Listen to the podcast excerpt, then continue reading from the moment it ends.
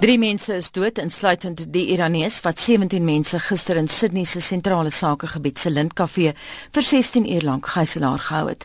Die terroris, 'n Iranees, Manharon Monis, het 'n geskiedenis van sielkundige probleme en onstabiliteit. Vir meer oor gister se dramatiese gebeure wat Sydney in die wêreld kolle geplaas het, praat ons nou met Dr. John Bruni, 'n risikobestuurskonsultant in Adelaide. Good morning. Good morning. The latest information The latest information is that uh, we have, unfortunately, uh, two people dead. Uh, one is a 30-year-old, 38-year-old uh, uh, female, uh, Katrina Dawson, who is a mother of three, and the cafe owner or manager, I should say, um, Corey Johnson, who was a 34-year-old. Um, so we have two dead, and we have four that had been injured in, in this in this standoff. But what about Man Haron Monis? Didn't he also die? Well, he yes, he he he also was uh, was was killed in, in the um, in, the, in the assault. So yes, so we we have uh, the the two hostages killed, plus of course the perpetrator, and, uh, and and the four that were injured.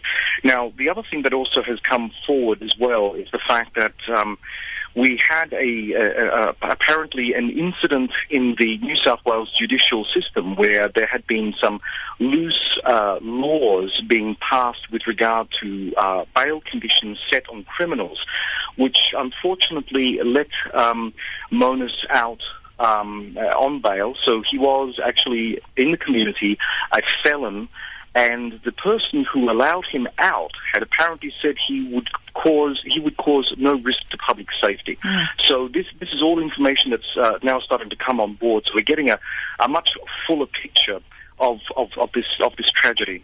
Dr. Bruni, how would you describe the mood in Australia? Extraordinarily sullen right now. Um, look.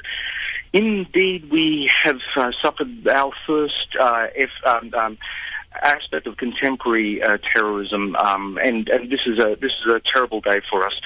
Uh, in the end, um, I think this unfortunate incident has actually uh, created a, a template on which other people who are deeply psychologically or emotionally uh, deranged will see as something that they could replicate in, in some point. And this is the great fear uh, among counterterrorism experts.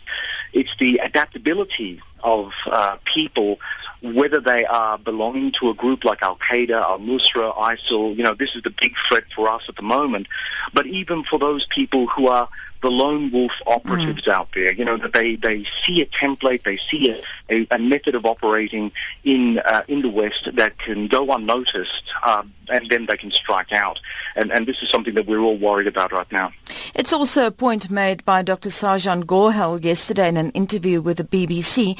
But just going back to Australia, I know that your terrorism threat level was raised to high in September. That's right. Uh, look, there, there was um, there was a, uh, apparently a lot of chatter going on suggesting that there was going to be an organised assault at some point on an Australian capital city. But of course, this was in relation to something that would be directed or inspired directly by Al Qaeda, Al Nusra, or ISIL, or a similar kind of Muslim extremist organization. Uh, you know, all I can say that is the silver lining to this cloud, of course, is that thank goodness we didn't have to worry about that. You know, we have enough problems dealing with uh, some elements, and there are only a minority of these people within the Australian Muslim community throughout Australia who feel so sufficiently motivated, not necessarily by what they see on TV, although that obviously feeds into their psychoses, but but feel sufficiently motivated to cause harm to their own country. Um, and this is something that we have to try to come to grips with. Uh, could could we have done better in terms of being able to detect this this danger to our society? Well, you know, it's it's a it's a terrible thing, but upon reflection, if um, all the uh, all the uh, news coming out of the New South Wales judiciary seems to be correct, you know, we uh, we you know the, the the state of New South Wales played a, an indirect hand in, in making this threat happen by you know uh, introducing these these lax laws in terms of uh, a a violent known. Um, uh, convict, um, and you know something has to be done about trying to seal that gap in the system, if you like. Now, experts vary in their opinions on exactly how many Aussies are involved in terrorism. Estimates vary from between 60 to 100. How many do you think there really are? I know that Sky News reported yesterday that one Australian family lost four sons to the cause of ISIS. Yeah, look, um, at the moment, the current figures are, uh, according to uh, Australia's Secret Intelligence Organisation, ASIO, there are about 70 people that we have identified that are um, on the ground in Syria and Iraq fighting for various groups. And the majority of that 70 would be fighting for ISIL or the Islamic State. Um, indeed, figures vary depending on who you actually ask. Some people make it as high as 150. Some people make it um, a little lower, down to about 90. But the fact of the matter is that we have a hardcore group who are serving overseas. And only recently there, there were reports that Australian jihadists are being used as cannon fodder in Iraq.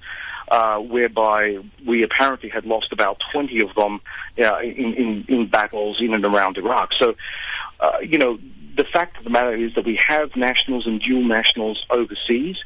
They are not large numbers, but you don't need large numbers to have an effect, as the events in Sydney had had shown and, and demonstrated quite clearly.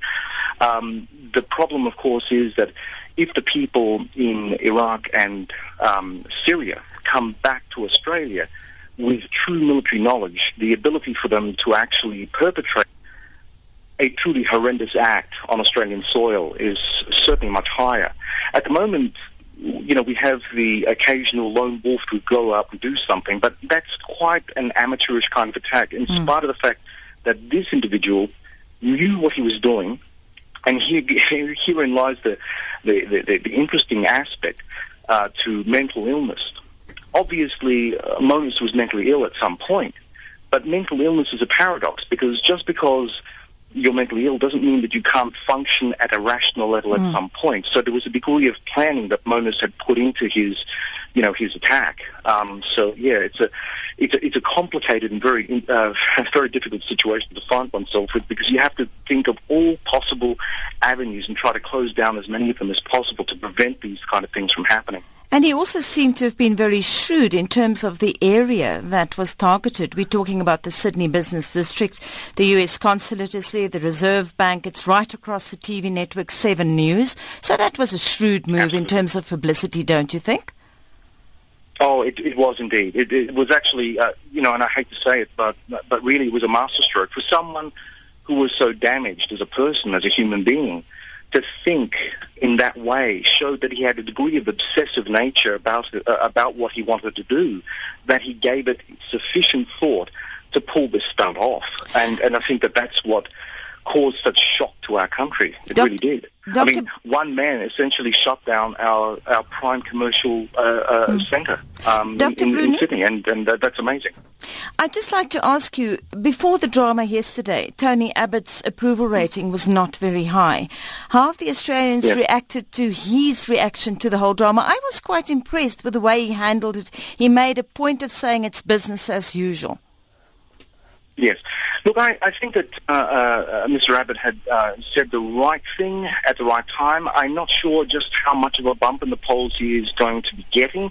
There were a few other things politically on the ground here in Australia that happened simultaneous to uh, the, the, hostage siege uh, yesterday, uh, which which may or may not reflect well in the polls for him. Obviously, the Australian community is deeply wounded by what happened. Um, and I think that uh, that in itself will show that we'll want to rally around the flag because you know any any society facing this kind of issue does just that.